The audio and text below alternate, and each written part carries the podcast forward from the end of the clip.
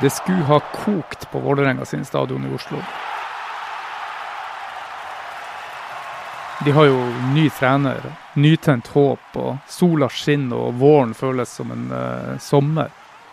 Uh, de foregående elendige sesongene deres er jo borte, borte fra historien nå. Og hadde favorittlaget Bodø-Glimt spilt eh, bortekamp mot Vålerenga i Oslo, ville kollega Robert Veiåker Johansen kanskje vært der, midt i koken. Eh, akkurat nå skulle de ha spilt tre serierunder. Kanskje de vunnet alle tre og gleder seg til fjerde runde nå på søndag. I stedet er det helt stille. Stadionet er lukka og stengt. Spillerne er sendt ut på sommerferie. Det høres rart ut, men de har sommerferie nå i tilfelle de får lov å starte opp igjen og må spille masse, masse kamper på sommeren. Men denne serien er i fare. Den har vart helt siden 1937. Bare andre verdenskrig har klart å stoppe den, men akkurat nå er den i fare.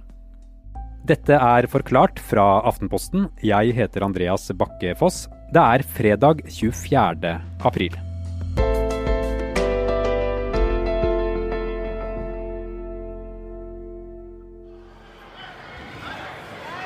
Den 12. mars var det bråstopp. På håndballbaner, fotballbaner, friidrettsbaner og i svømmehaller ble det helt stille.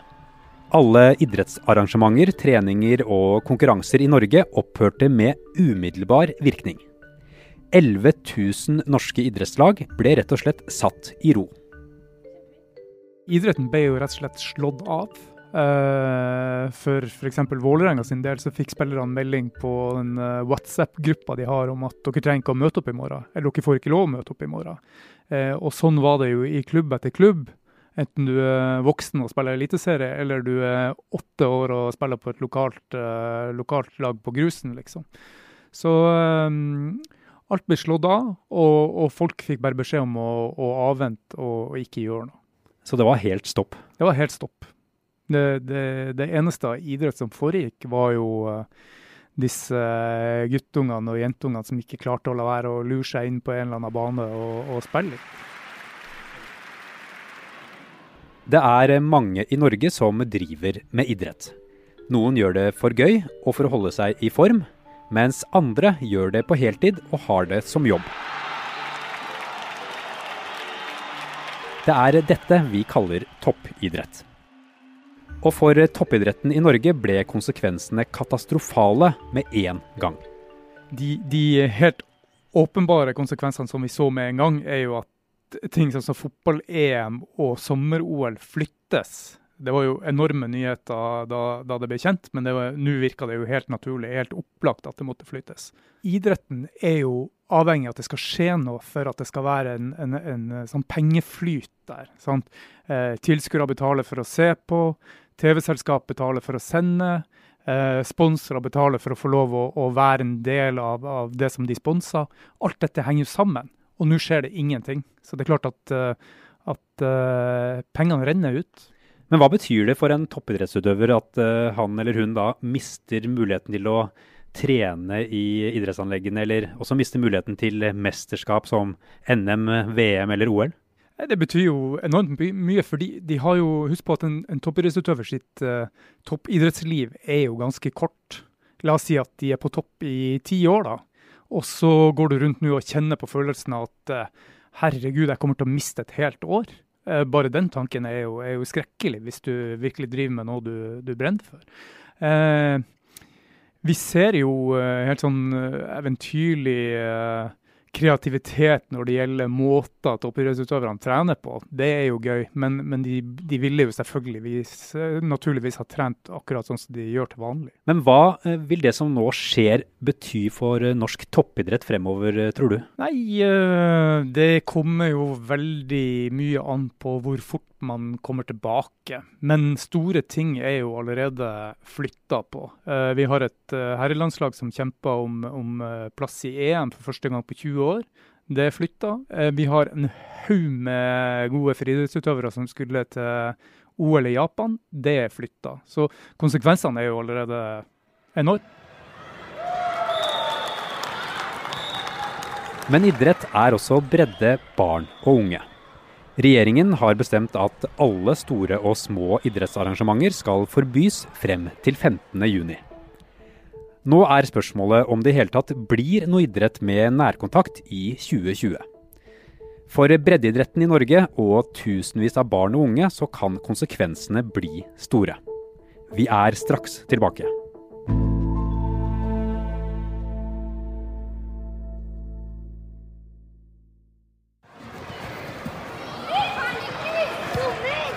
Norges idrettsforbund har om lag to millioner medlemmer. Veldig mange av dem er barn, og disse barna står nå i fare for å miste en veldig viktig sosial arena over lang tid. Altså det er åpenbart at uh, den fysiske aktiviteten har vært eh, mindre blant eh, barn og unge den siste tiden. Det er jeg ganske sikker på. Eirik Fardal er først og fremst far til fotball- og håndballspillere, men også sportssjef i Aftenposten. Jeg tipper at det har vært mer TV og mer iPad rundt omkring i i de tusen hjemme. Så, og Det er jo derfor den organiserte idretten har så viktig rolle for veldig mange. Den holder barn og unge i form, og, en, kan òg være en fristad for unger som, som, eh, og har rammene som enkelte trenger. Og så, og så er det en annen ting, og det er det sosiale, som vår spaltist Lars Kjernås eh, skrev ganske godt om her forleden. Altså, kanskje kommer idretten til å miste de mest sårbare akkurat nå. sant? Uh, han dro fram f.eks. at uh, de som ikke har motivasjon til å trene for seg sjøl, og de som kanskje møter enda en arena de ikke strekker til på, faller fra eh, akkurat nå. Nå er det jo blitt lov til å trene i grupper igjen med maks fem av gangen. Hva hjelper det for muligheten for, for barn til å drive med breddeidrett igjen? Det er klart at det hjelper, og det er helt sikkert veldig mange som gleder seg til å, til å komme litt i gang igjen nå. og det, jeg ser jo at det er flere eh, arenaer som åpner rundt omkring i landet nå.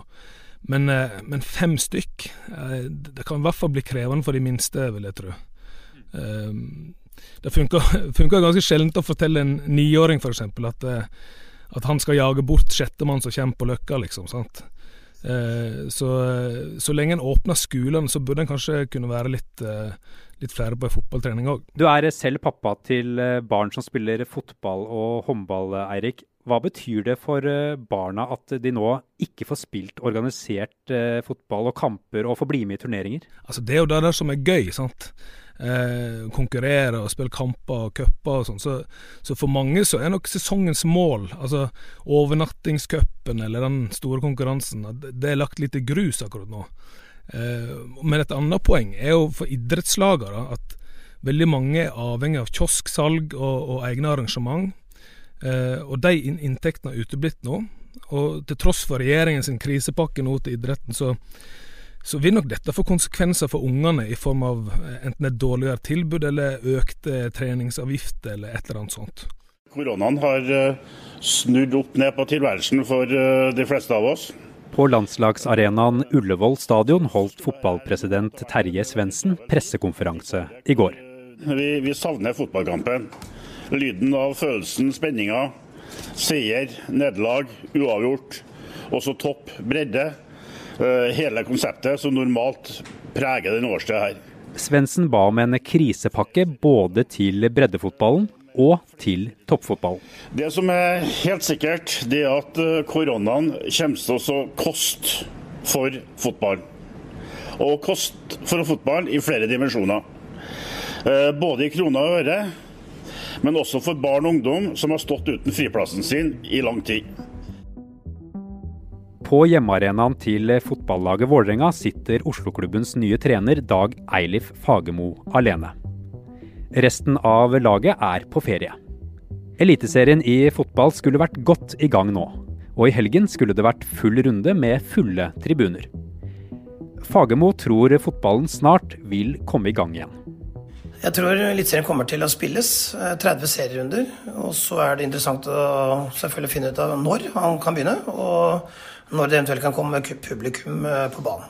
Og det er jo da helsemyndighetene som bestemmer det. Men det jobbes jo med det fra interesseorganisasjonene til eh, fotballklubbene. Så at det blir serie, det er jeg helt sikker på.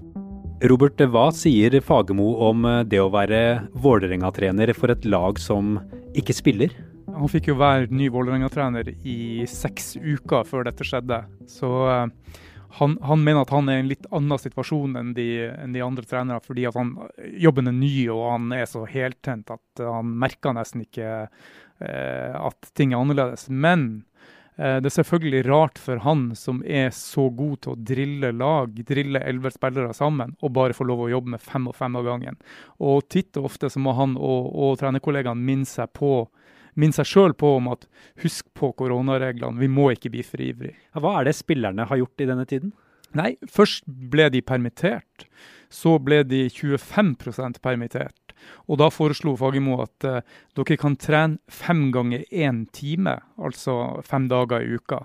Dette ble etter hvert eh, eh, slått ned, men, men, men, de er på trening i gruppa på fem og fem, og, og gjør alt de kan for å trene normalt, men det er jo selvfølgelig fullstendig unormalt.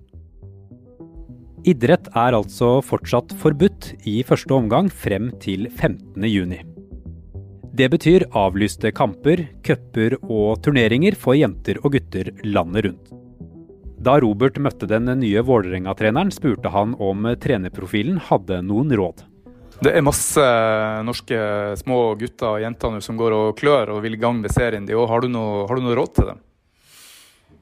Altså, det er ikke noe annet råd enn at tren og hold på eh, med det du er mest glad i, og den idretten du er glad i. For det er viktig med fysisk utfoldelse, og det går an å gjøre det på mange områder, muligheter, selv om man ikke eh, Altså uten å bryte smittevernreglene. Det er blitt sagt at det vil skape uopprettelig skade for norsk fotball hvis det ikke blir noen kamper i 2020. Fagermo frykter imidlertid ikke at koronasituasjonen vil få konsekvenser for fotballen. Nei, jeg frykter ikke det. Jeg tror det at vi både som nasjon og, eller fotballklubben er rusta for å, å, tåle en sånn krise. Og så får vi da heller bruke tid på å komme oss ut av det, men at vi blir noe dårligere sammenlignet med konkurrentene osv., det, det tror jeg ikke. Robert, hva vil det bety for norsk idrett om det ikke blir lov med nærkontakt eh, la oss si resten av dette året? da? Nei, det, det, det betyr jo alt. For det betyr jo at det egentlig ikke går an å driver med noe som helst slags uh, idrett som, som, som, skal ha tellende resultat. Kanskje bortsett fra ja, øvelser der man eh, beveger seg fra punkt A til punkt B med intervallstart. Uh, fotball, håndball, ishockey. Alle idretter der det er kroppskontakt. Og det er det jo i de aller fleste idretter. Det er bare å glemme det. Men er det i det hele tatt noen lyspunkter for uh, idretten oppi alt dette?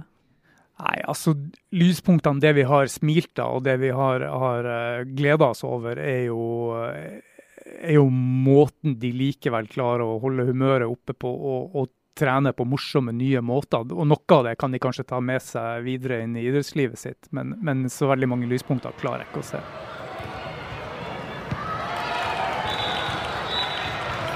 Eh, men hvis jeg kan få si til slutt, da. Altså det positive den tiden her det kan jo være at det har vært mer frileik rundt, eh, rundt huset og i gatene rundt omkring. og Er det noe som gjennomorganiserte unger nå til dags har godt av, så, så er det jo det.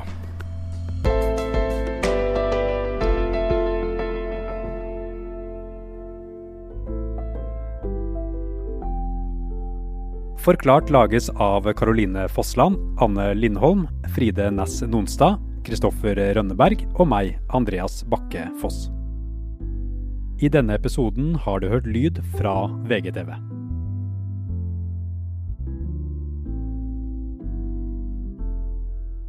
Herregud, det var altså Erik Solheim gjorde det, Robert Eriksson gjorde det, Øystein Djupedal.